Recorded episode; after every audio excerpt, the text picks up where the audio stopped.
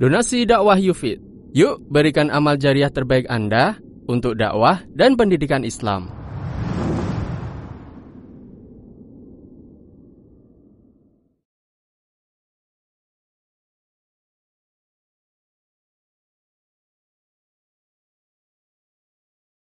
Assalamualaikum warahmatullahi wabarakatuh. Innal hamdalillah نحمده ونستعينه ونستغفره ونعوذ بالله من شرور أنفسنا ومن سيئات أعمالنا. من يهده الله فلا مضل له ومن يضلل فلا هادي له.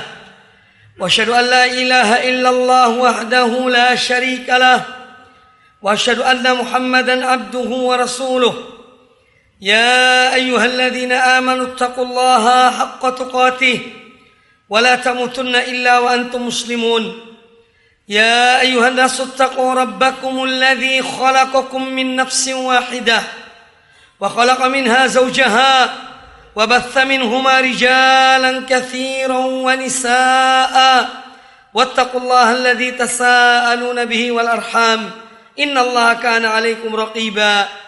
يا أيها الذين آمنوا اتقوا الله وقولوا قولا سديدا يصلح لكم أعمالكم ويغفر لكم ذنوبكم ومن يطع الله ورسوله فقد فاز فوزا عظيما أما بعد فيا عباد الله أوصيكم وإياي نفسي بتقوى الله فقد فاز المتقون.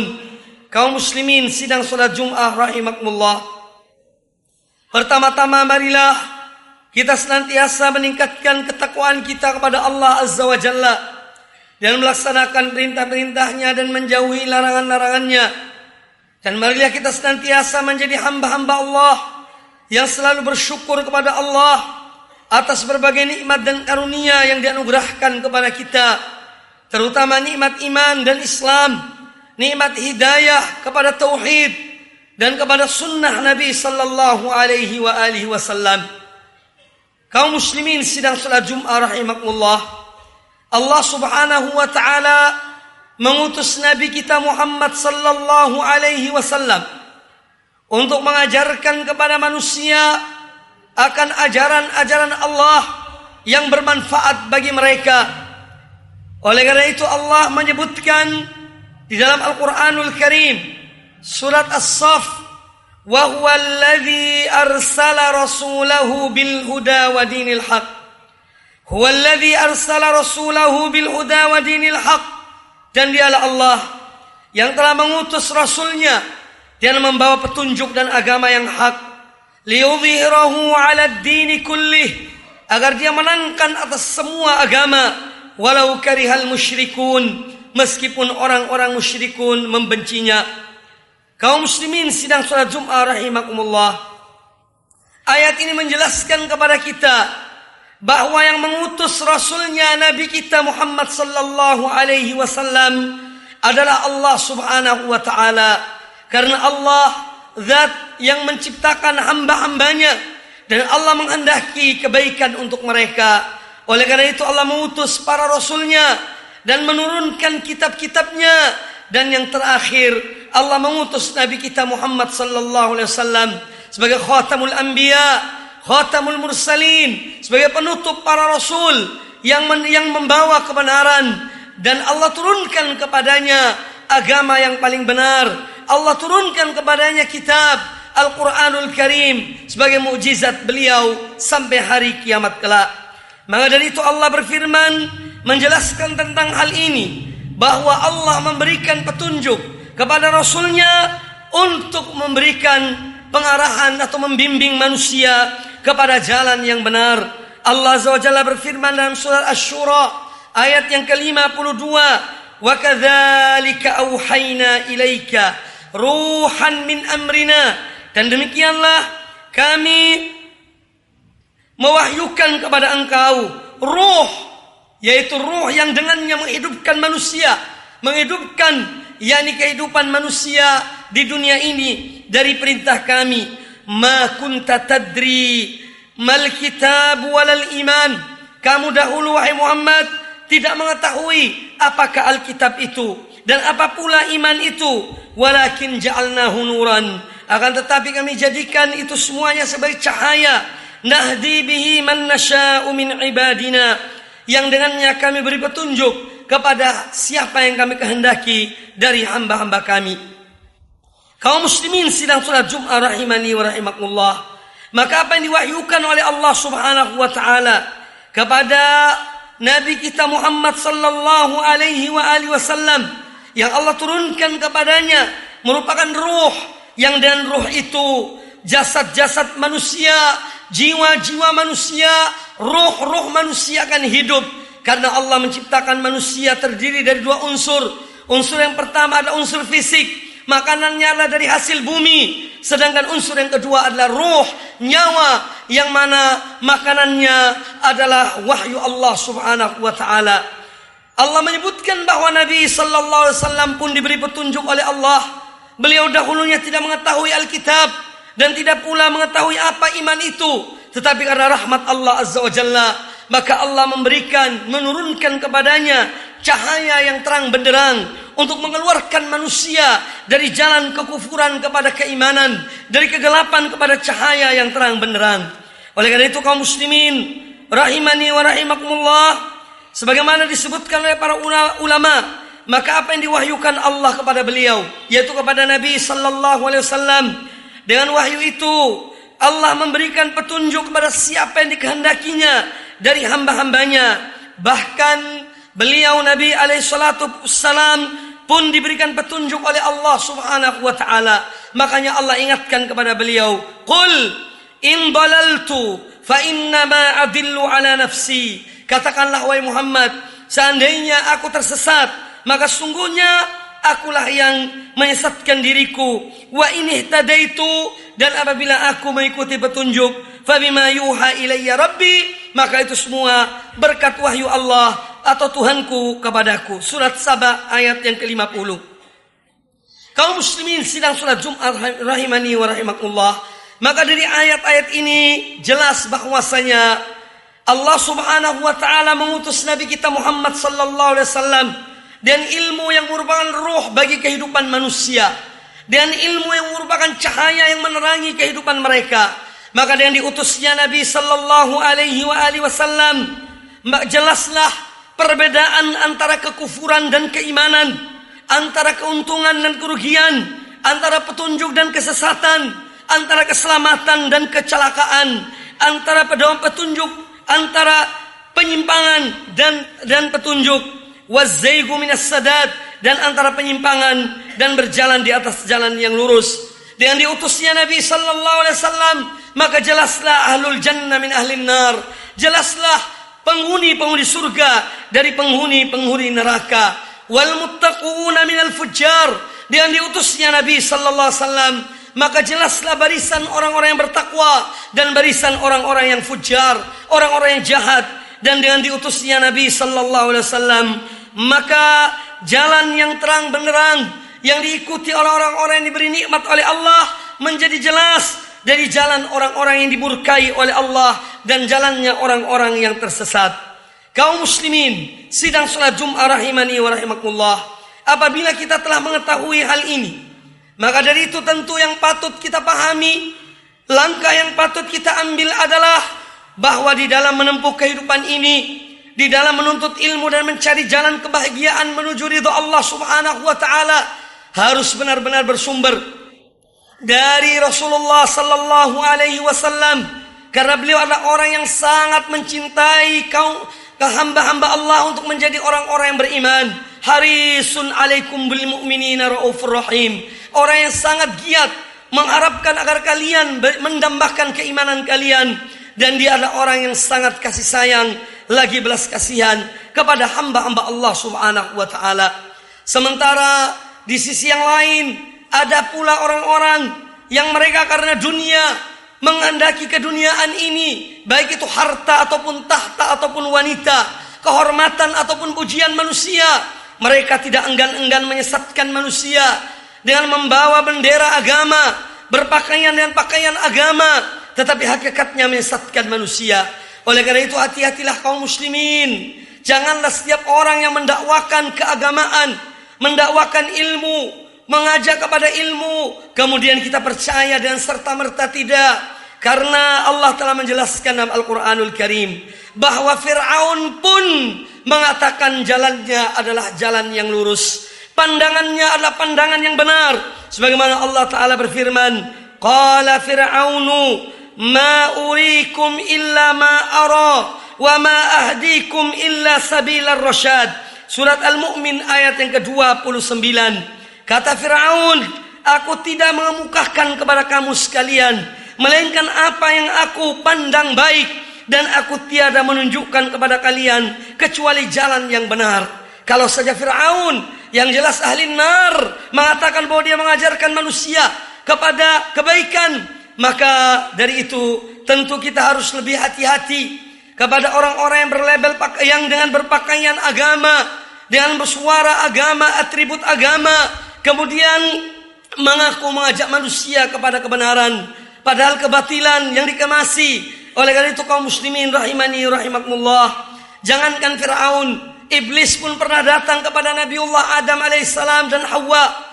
Dan iblis menasihati Adam dan Hawa dengan mengatakan, "Manahakuma rabbukuma an haji syajarati illa an takuna malakaini aw takuna minal khalidin." Tidaklah Tuhan kalian berdua melarang kalian dari memakan buah buah dari pohon ini melainkan supaya kalian tidak menjadi dua orang malaikat dan supaya kalian tidak menjadi kekal dalam kehidupan kalian. Wa qasamahuma inni lakuma laminan nasihin dan iblis bersumpah kepada Adam dan Hawa bahwa saya dia termasuk orang yang memberikan nasihat. Kaum muslimin sidang salat Jumat rahimani wa rahimakumullah. Maka dari itu para salaf kita rahimahumullah telah mengingatkan kita tentang mengambil agama. Dari siapa kita mengambil agama ini? Kata Al-Imam Ibn Sirin, Muhammad bin Sirin rahimahullah taala, "Inna hadzal ilma dinun." Sesungguhnya ilmu ini adalah agama. Fanzuru amman ta'khuduna dinakum. Maka lihatlah, perhatikanlah dari siapa kalian mengambil agama kalian. Kaum muslimin sidang salat Jumat rahimani wa rahimakumullah. Demikian pula imam-imam salaf yang lainnya. Kata al-imam Ibnu Abi Uwais. Beliau mengatakan, Sami'tu malikan Malik ibn Anas radhiyallahu rahimahullah yaqul. Aku mendengar Malik, Malik bin Anas berkata, Inna hadzal ilma lahmuka wa damuka. Sesungguhnya ilmu agama ini adalah dagingmu dan darahmu. Wa anhu tus'alu yaumal qiyamah dan tentang ilmu inilah engkau akan ditanya di hari kiamat kelak. Fanzur amman ta'khudhuh, maka perhatikanlah dari siapa engkau mengambil agama ini. Demikian pula kata beliau, Al-Imam Malik rahimahullah taala menasihati murid-muridnya dengan mengatakan, la yu'khadul ilmu an arba'atin. Ilmu tidak diambil dari empat golongan manusia.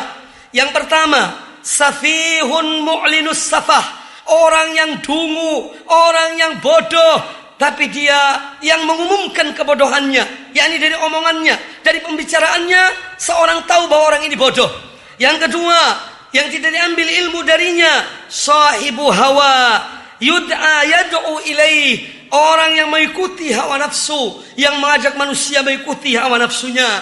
Yang ketiga, rajulun rajulun ma'rufun bil kadhibi dan orang yang terkenal pembohong fi ahaditsin nas ketika dia berbicara dengan manusia wa in kana la yakdzibu an Rasulillah sallallahu alaihi wasallam meskipun dia tidak berdusta dengan mengatasnamakan Rasulullah sallallahu alaihi wasallam. Dan yang keempat adalah yang dilarang mengambil ilmu darinya wa rajulun lahu fadlun wa salah dan orang yang dia memiliki keutamaan dan kesalehan la ya'rifu ma yuhaddithu bihi tetapi dia tidak tahu apa yang dia ucapkan. Itulah empat golongan yang tidak boleh seorang mengambil ilmu darinya. Lalu dari siapakah kita mengambil ilmu? Al-Imam Ibn Al-Qayyim rahimahullah ta'ala menyebutkan ilmu diambil dari para ulama Rabbaniyun. Ulama Rabbaniyun yaitu ulama-ulama yang memiliki sifat yang disebutkan dalam surat Al-Asri. Yang pertama adalah alladzina illa alladzina amanu orang-orang yang beriman ulama-ulama yang terkenal iman mereka kepada Allah Subhanahu wa taala. wa amil salihat dan ulama-ulama yang mereka mengerjakan amal-amal kebaikan dan amal soleh. Yang ketiga adalah mereka yang tawasobil haq wa tawasobil sabri, mereka yang senantiasa nasihat menasihati dalam kebenaran dan mereka senantiasa bersabar di dalam menyampaikan kebenaran kepada umat. Oleh karena itu kaum muslimin rahimakumullah, marilah kita mengikuti para salaf kita di dalam mengambil ilmu. Sekarang muncul dajjal-dajjal dalam potongan-potongan dan uh, uh, YouTube mendustakan dengan mengatasnamakan Rasulullah sallallahu alaihi wasallam, membawa hadis-hadis palsu tanpa ada rasa takut kepada Allah Subhanahu wa taala. Ada di antara mereka para dajjal itu mengatakan, dajjal artinya kadzab, pendusta. Jadi dajjal artinya pendusta. Barang siapa man syaribal qahwata yastaghfiru lahul malaikah Barang siapa yang minum kopi, maka dia akan dimohon ampun oleh para malaikat. Hadis palsu. Sudah tidak takut lagi kepada Allah. Tidak takut lagi mendustakan dengan, dengan ber, atas nama Rasulullah sallallahu alaihi wasallam. Padahal beliau alaihi salatu wassalam mengatakan di dalam hadis yang sahih dari kurang lebih 50 sahabat Rasulullah sallam meriwayatkan tentang sabda Nabi sallallahu alaihi wasallam Man kadzaba alayya muta'ammidan falyatabawwa maq'adahu minan nar. Barang siapa yang dia berdusta dengan atas namakan aku, maka hendaklah dia menempati tempatnya dalam neraka. Oleh karena itu kaum muslimin rahimakumullah, marilah kita bekali diri kita dengan ilmu dan ambillah ilmu dari orang-orang yang kita percaya bahwa mereka mempunyai ilmu, mereka mengajarkan ilmu, mereka menghendaki kebaikan bagi kita dan mereka orang-orang yang selalu menasehati dalam kebaikan dan kesabaran. Semoga apa yang disampaikan bermanfaat bagi kita semuanya dan semoga Allah Subhanahu wa taala menerima amal ibadah kita dan memberikan kepada kita ilmu yang bermanfaat dan amal yang saleh. Aku qauli hadza wa astaghfirullah li wa lakum fastaghfiruh innahu huwal ghafurur rahim. Alhamdulillahirabbil alamin. Wal aqibatu lil muttaqin wa la udwana illa 'alal zalimin. Salatu wassalamu ala asyrafil anbiya'i wal mursalin wa ala ali washabi ajmain wa man tabi'ahum bi ihsanin. Kaum muslimin sidang salat Jumat rahimakumullah. Pada khutbah yang kedua ini saya hanya ingin menyampaikan kepada kita semuanya tentang sabda Nabi sallallahu alaihi wasallam singkat tetapi padat yaitu wasiat beliau kepada kita kepada umat agar senantiasa bertakwa kepada Allah di mana pun berada. Ittaqillaha haitsuma kunta. Bertakwa kepada Allah di mana pun kamu berada. Wa atbi sayyi'atal hasanata tamhuha. Dan ikutilah satu perbuatan buruk dan kamu berbuat baik. Niscaya perbuatan buruk itu perbuatan baik itu akan menghapus perbuatan burukmu. Dan sabda beliau wa khaliqin nasa bi khuluqin hasanin. Kaulilah manusia dan akhlak yang mulia. Di zaman yang penuh dengan fitnah penuh dengan godaan penuh dengan cobaan seorang harus benar-benar mempunyai pedoman dalam kehidupannya dan agama Allah adalah pedoman setiap orang yang beriman. Agama Allah dan Rasulnya adalah sebagai ismatu umurina yang memelihara urusan-urusan kita. Maka dari itu di antara doa yang didoakan dan diejarkan oleh Nabi sallallahu alaihi wasallam kepada kita, Allahumma aslih li dini alladhi wa ismatu amri. Ya Allah perbaikilah akan agamaku yang dia merupakan pemelihara, penjaga bagi semua perkara dan urusanku. Wa aslih li dunyaya allati fiha ma'ashi dan perbaikilah akan duniaku yang dia merupakan tempat hidupku. Wa aslih li akhirati allati fiha ma'adi dan perbaikilah akhiratku yang dia merupakan tempat kembaliku. Dan kemudian kata Nabi SAW waj'alil hayata ziyadatan li fi kulli khairin waj'alil mauta rahatan li min kulli syarr jadikanlah kehidupan ini sebagai untuk aku menambah kebaikan bagiku dan jadikanlah kematian sebagai peristirahatan dari berbagai macam keburukan, fitnah dan kejelekan di dunia ini. Innallaha wa malaikatahu yusalluna 'alan nabi يا أيها الذين آمنوا صلوا عليه وسلموا تسليما. اللهم صل على محمد وعلى آل محمد. كما صليت على آل إبراهيم وبارك على محمد وعلى آل محمد. كما باركت على آل إبراهيم في العالمين إنك حميد مجيد.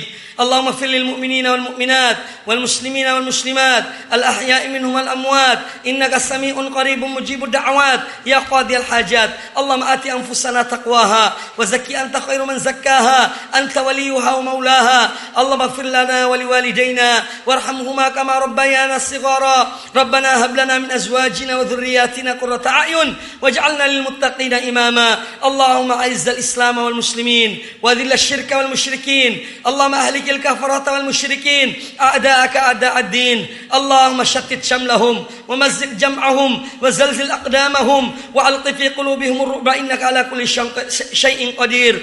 اللهم أصل ولاة أمور المسلمين وألف بين قلوبهم وأصل ذات بينهم وانصرهم على عدوك وعدوهم ووفقهم للقيام بما فيه صلاح البلاد والعباد. ربنا آتنا في الدنيا حسنة وفي الآخرة حسنة وقنا عذاب النار. عباد الله إن الله يأمر بالعدل والإحسان وإيتاء ذي القربى وينهى عن الفحشاء والمنكر والبغي يعظكم لعلكم تذكرون.